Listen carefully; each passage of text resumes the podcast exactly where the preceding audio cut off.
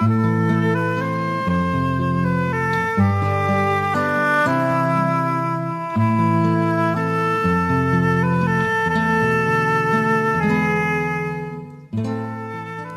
by Kortom. Vanaand gaan ons luister na twee verhale van Jean Gosen. Dit kom uit 'n bundel van haar, ek dink dit is haar jongste bundel met die titel Plante kan praat. En dit is 'n Kwela publikasie. Susan Beyers gaan dit vir ons lees en ons gaan begin met die verhaal Hermione en daarna die verhaal Nog 'n dag. Lekker luister.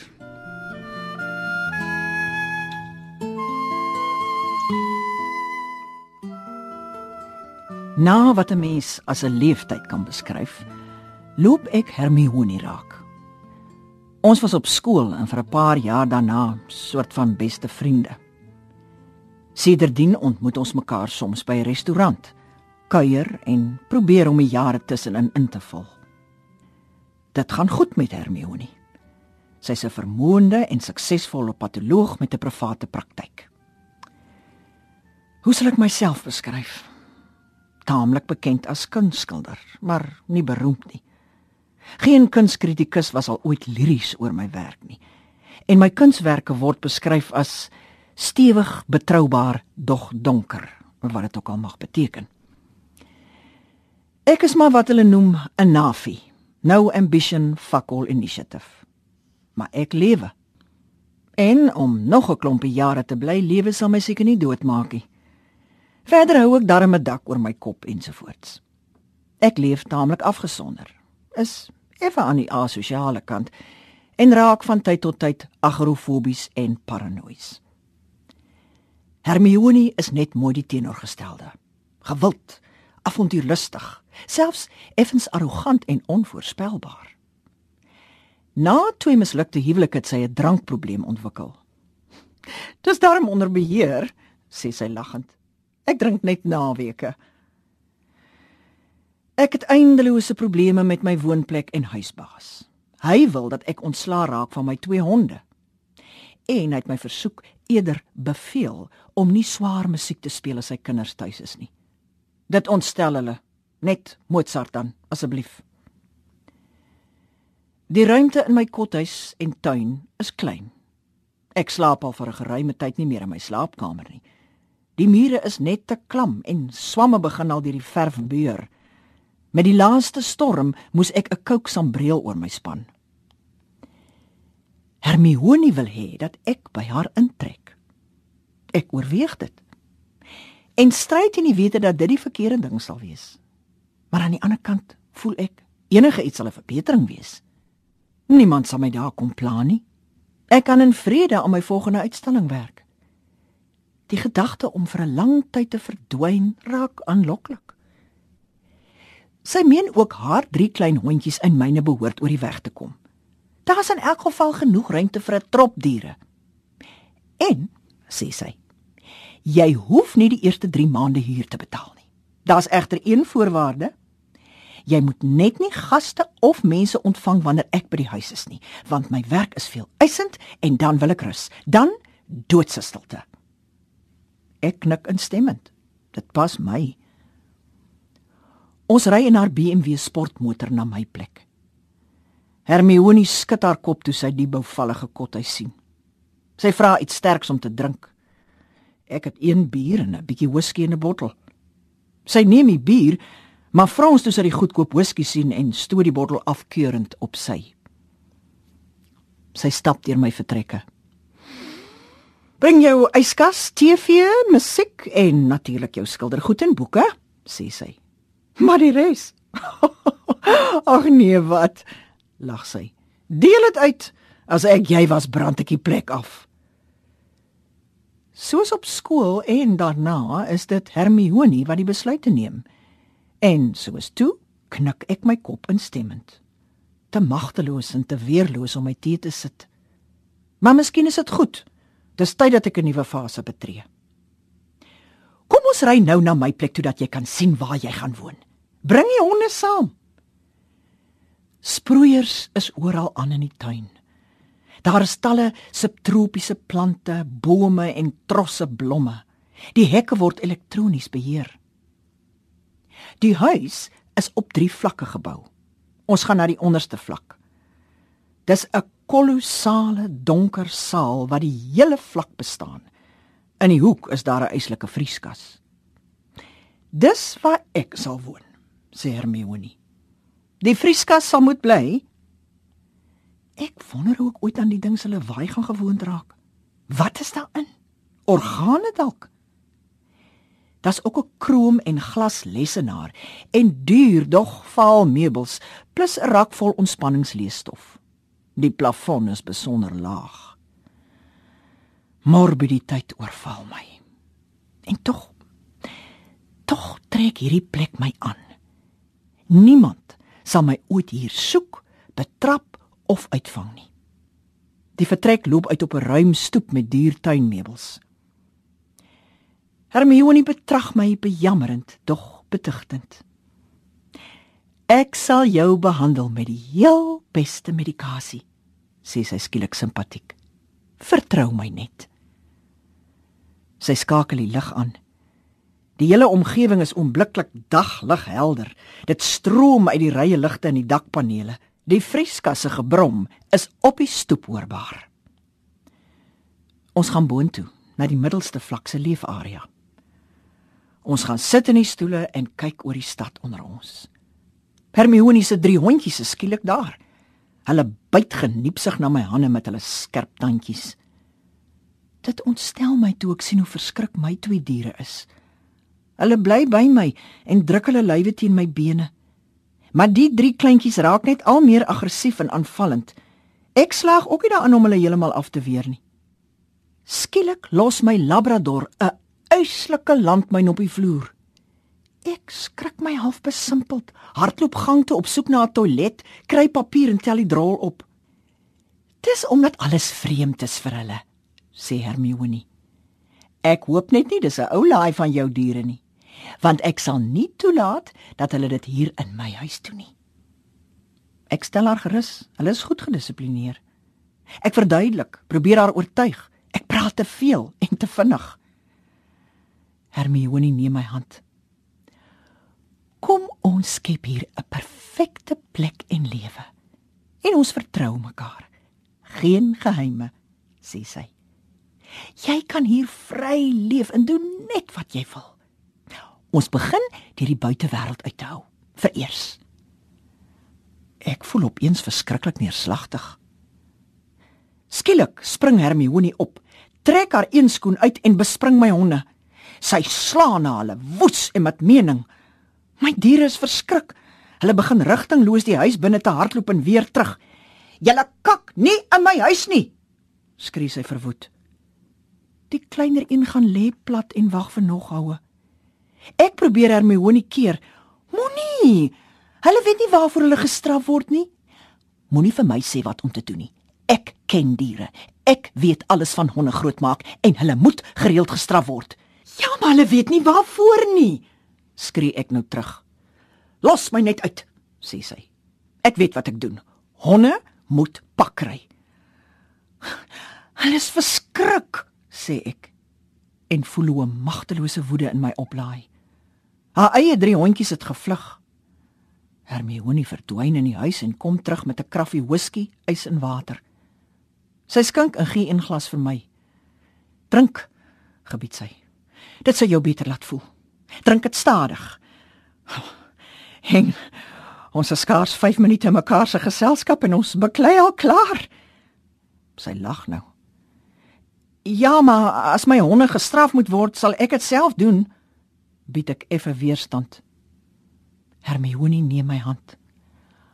Alles is alright, baai sy. Alles is alright. Hoor jy my? Ek sê alles is alright. Bedaar nou. Alright. Alright. Ek sal vir jou sorg. Goed, sê ek. Sy drink haar glas vinnig leeg en maak dit weer vol. Ons kan 'n volmaakte wêreld hier skep. Ek sal vir jou sorg. Hou sy aan. Ek raak bang. As ek net kon vlug. Maar ek is sonder vervoer en my diere sonder hulle leibande. Nou maar goed. Hermione lispelend en kry nog drank. Ek is jammer. Ekskuus. Hoor jy my? Sy kyk skielik skerp na my. Jy weet, ek het die idee daar's iets in jou wat mense aanhoudend laat verskoning vra. Jy laat almal om jou skuldig voel, asof hulle aandadig is aan 'n eislike onreg jeens jou. Dis ook 'n manier van manipulasie, wie jy. My honde sluip van iewers af nader en kom leun teen my bene. Hermione kom nader en hulle krimp terug, maar sy dring daarop aan om hulle te streel. Sy praat baba taal met hulle. Hulle verdier 'n aanraking, maar hulle bly bang en bewend. As ek hulle so sien, het ek lus om te huil. Hulle ken nie geweld nie. Ons leef goed saam en ons is gelukkig en vry, rustig. Maar dan onthou ek van my huisbaas wat hulle wil weg hê. Kwat, roep ek uit. Kwat. Alles is alright. By Hermione weer en neem my hand. Haar tong sleep. Sy los my hand, vat 'n tydskrif en blaai daardeur op soek na 'n artikel. Sy soek en soek, kry dit uiteindelik. Sy lees iets daaruit voor, maar ek kan nie uitmaak wat sy sê nie. Ek lees die opskrif onderste bo, the holistic idea. Sy's nou dronk. "Heb jy musiek?" sê sy. Strompel na die CD-speler en druk 'n knoppie. Dis mood music en dit irriteer my. Dit word skemer. Sy gaan lê op die mat, wink my nader dat ek langs haar moet lê. Kom ons rus 'n bietjie, sê sy.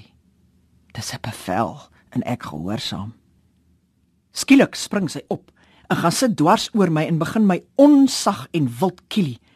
Ek skree, ek is magteloos, ek huil en lag te mekaar, dis pynlik. Net so skielik los hy my. Sy draai op haar sy en sluimer feitelik dadelik in. Ek lê stil en hou my asem op. Toe sy begin snork, staan ek op en stap met die trappe af na die onderste vlak. Die vrieskas vibreer asof dit 'n wil van sy eie het. "Shut up!" skree ek en skakel die ligte aan. Ek betrag die vaal meubels. Die plek is 'n afskuwelike grot. Maar terselfdertyd trek dit my ook aan. Dis 'n wegkruipplek teen almal en alles. Jy hoef niks te doen nie. Net sit en asemhaal en doodgaan terwyl jy lewe. Die gebrom van die vrieskas word al hoe harder. Sal ek ooit daaraan gewoon kan raak? Ek gaan weer boontoe. Hermione slaap steeds. Dieselfde snit op die CD-speler speel oor en oor.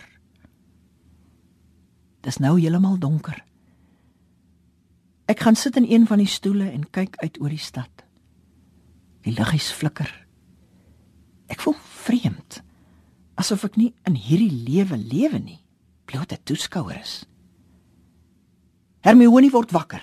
Sy's nou heeltemal nugter. Kom ons gaan slaap, sê sy.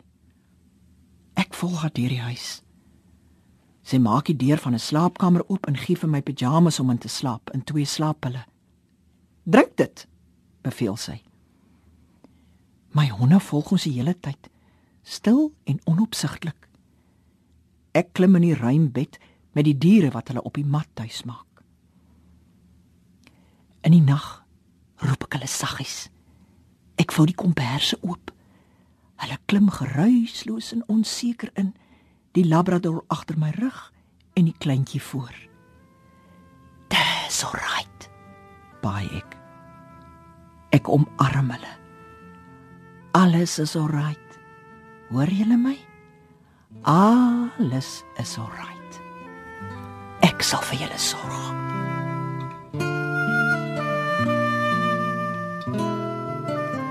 Susan Beyers het vir ons Hermione van Jean Cosen gelees. Nou gaan ons na nog 'n verhaal van Jean Cosen luister, naamlik nog 'n dag. En Susan gaan dit ook vir ons lees. Dit kom uit 'n bundel Plante kan praat van Quella. Ek sit die honde se leibande aan en ons stap af rivier toe, soos elke oggend. Nou seker al vir die afgelope 3 jaar.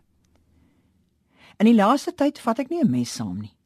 Want daar's 'n stootskraper en 'n klomp werkers in oranje oorpakke wat die rivier skoonmaak. Hulle verwyder die indringer plante, sluk en rommel. Die mes is net vir ingevalle booswig met planne besluit om ook die smal paadjie langs die rivier te neem. Dis 'n kort pad van die Bayside taxi rank af. Talle werkers stap soggens en smiddags hier langs.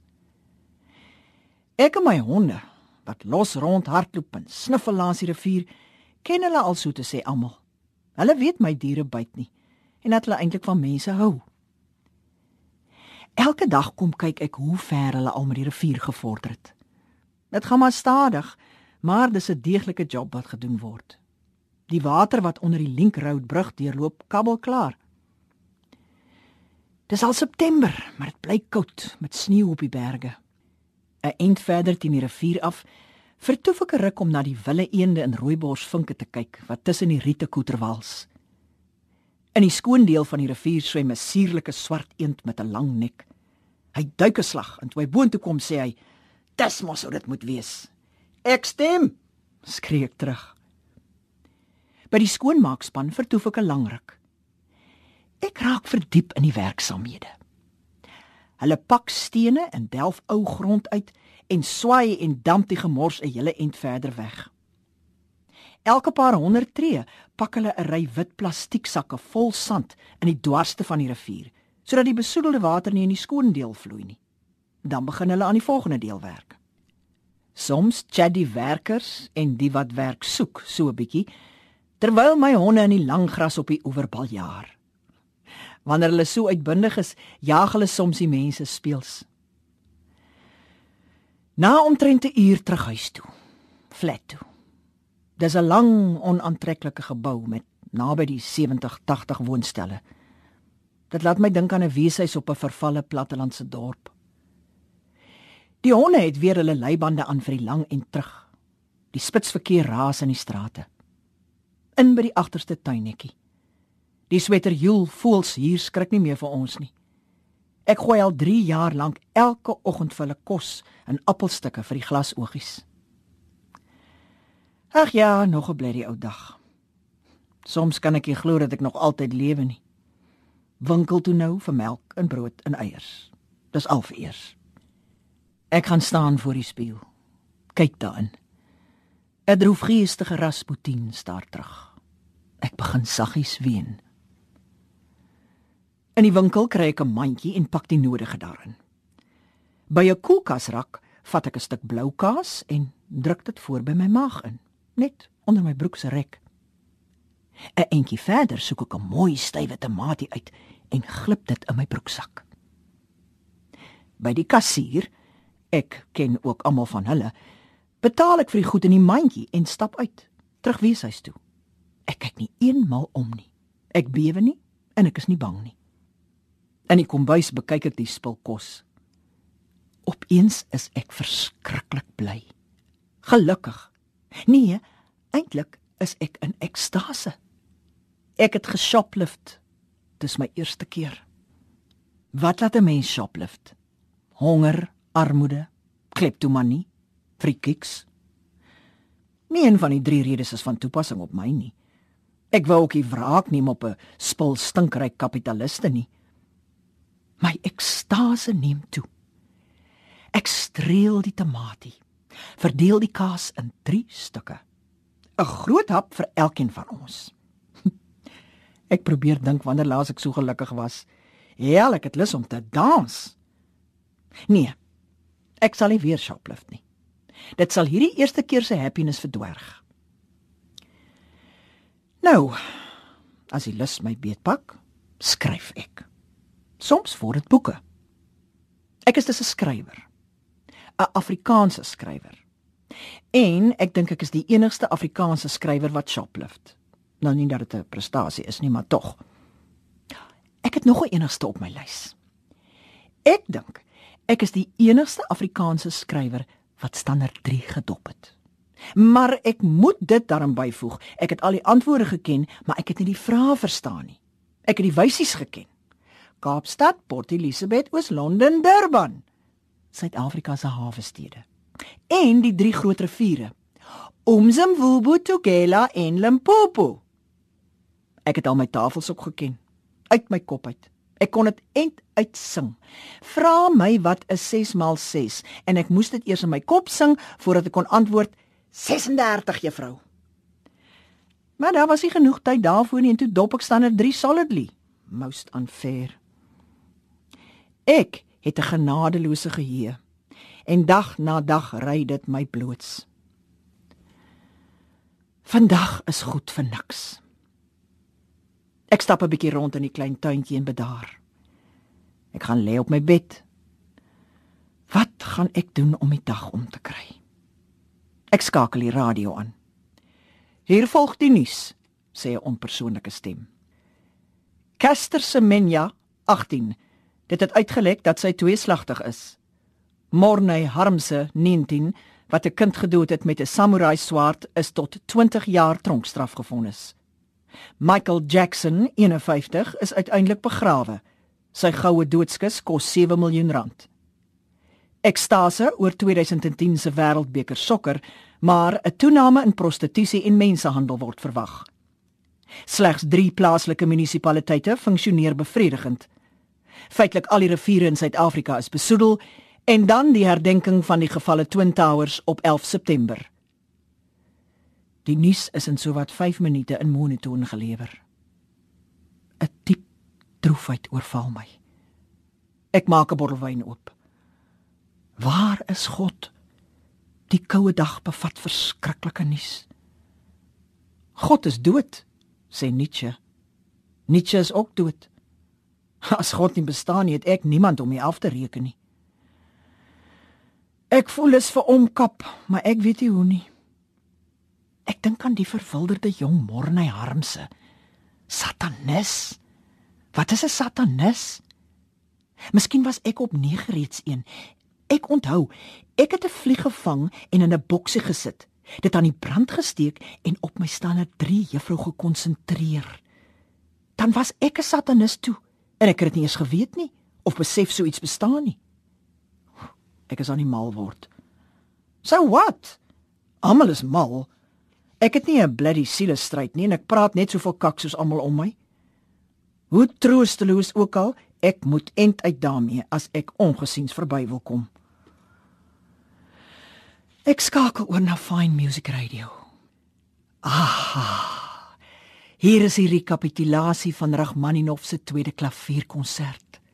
Goddelik. Hy sit aan die voete van Tchaikovsky en huil sy droewige nostalgiese Russiese trane. Rachmaninov bloei. Dit loop teen my mure af. My hond druk haar kop innig teen my bene. Die kleintjie kruip ook nader. Ek omhels hulle beurtelings. Laat toe dat hulle my wange lek. Ek gaan vir julle biltong koop, net môre. 'n Skielike Bybelvers doen op. Gaan heen en sondig nie meer nie. Wat help dit? Ek probeer dit al vandat ek my verstand gekry het. Dis steeds oggend. Iets met die dag moet ek doen. Dan maar skryf. Waarom skryf jy? wou 'n groep studente eenmal van my weet. Ek skryf omdat ek opgefok is. Eintlik het ek geen ander keuse gehad as om te skryf nie. Niks anders wou vir my uitwerk nie. Ek is gestremd. Behandel my dus sag en teer. Heute Tag kwam ek in mein Office. Nou. Ek bin kein guter Typiste, aber all of a sudden begon ek die hell aus der Maschine te kapte. Ich weiß nicht, wat ek tikt, aber es ist ein großer Thrill. In my lyf leefde ek rilling op rilling. Ja, die sensasie ist auch Physik. Jebo! De klanke amaze me. Die musikaliteit ervan. My insides vibrate. That is the most fabulous ding ich ooit hat getun, dieser neue Freedom. Het is in hübsche Wegkruip Platz gegen die Idiote bestaan. Kein Wortregels, spelregels, eenvormigheid, konstruksie, focal dictionaries, grammar oder vorm. Jebo! Ek schreibe soos die moed my voorzeggen. Ek rook jedes emosie ist in passionate puff. En my laai legt in boek die ek nog gelezen wou. Heideggers brief oor die humanisme. Hm, I loves humanisme. Humanisme, humanisme. Dis die einde van alles. Die einde van geskiedenis, die einde van ideologie. Voor in die waapad, die groot niks. I fall on the floor. and I laughs and laughs and laughs.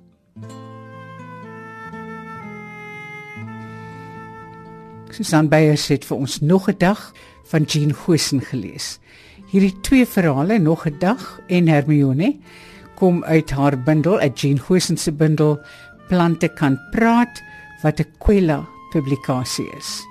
Van my Margaret, alles van die aller aller allerbeste. Tot volgende keer. Mag dit met ons almal goed gaan. Totsiens.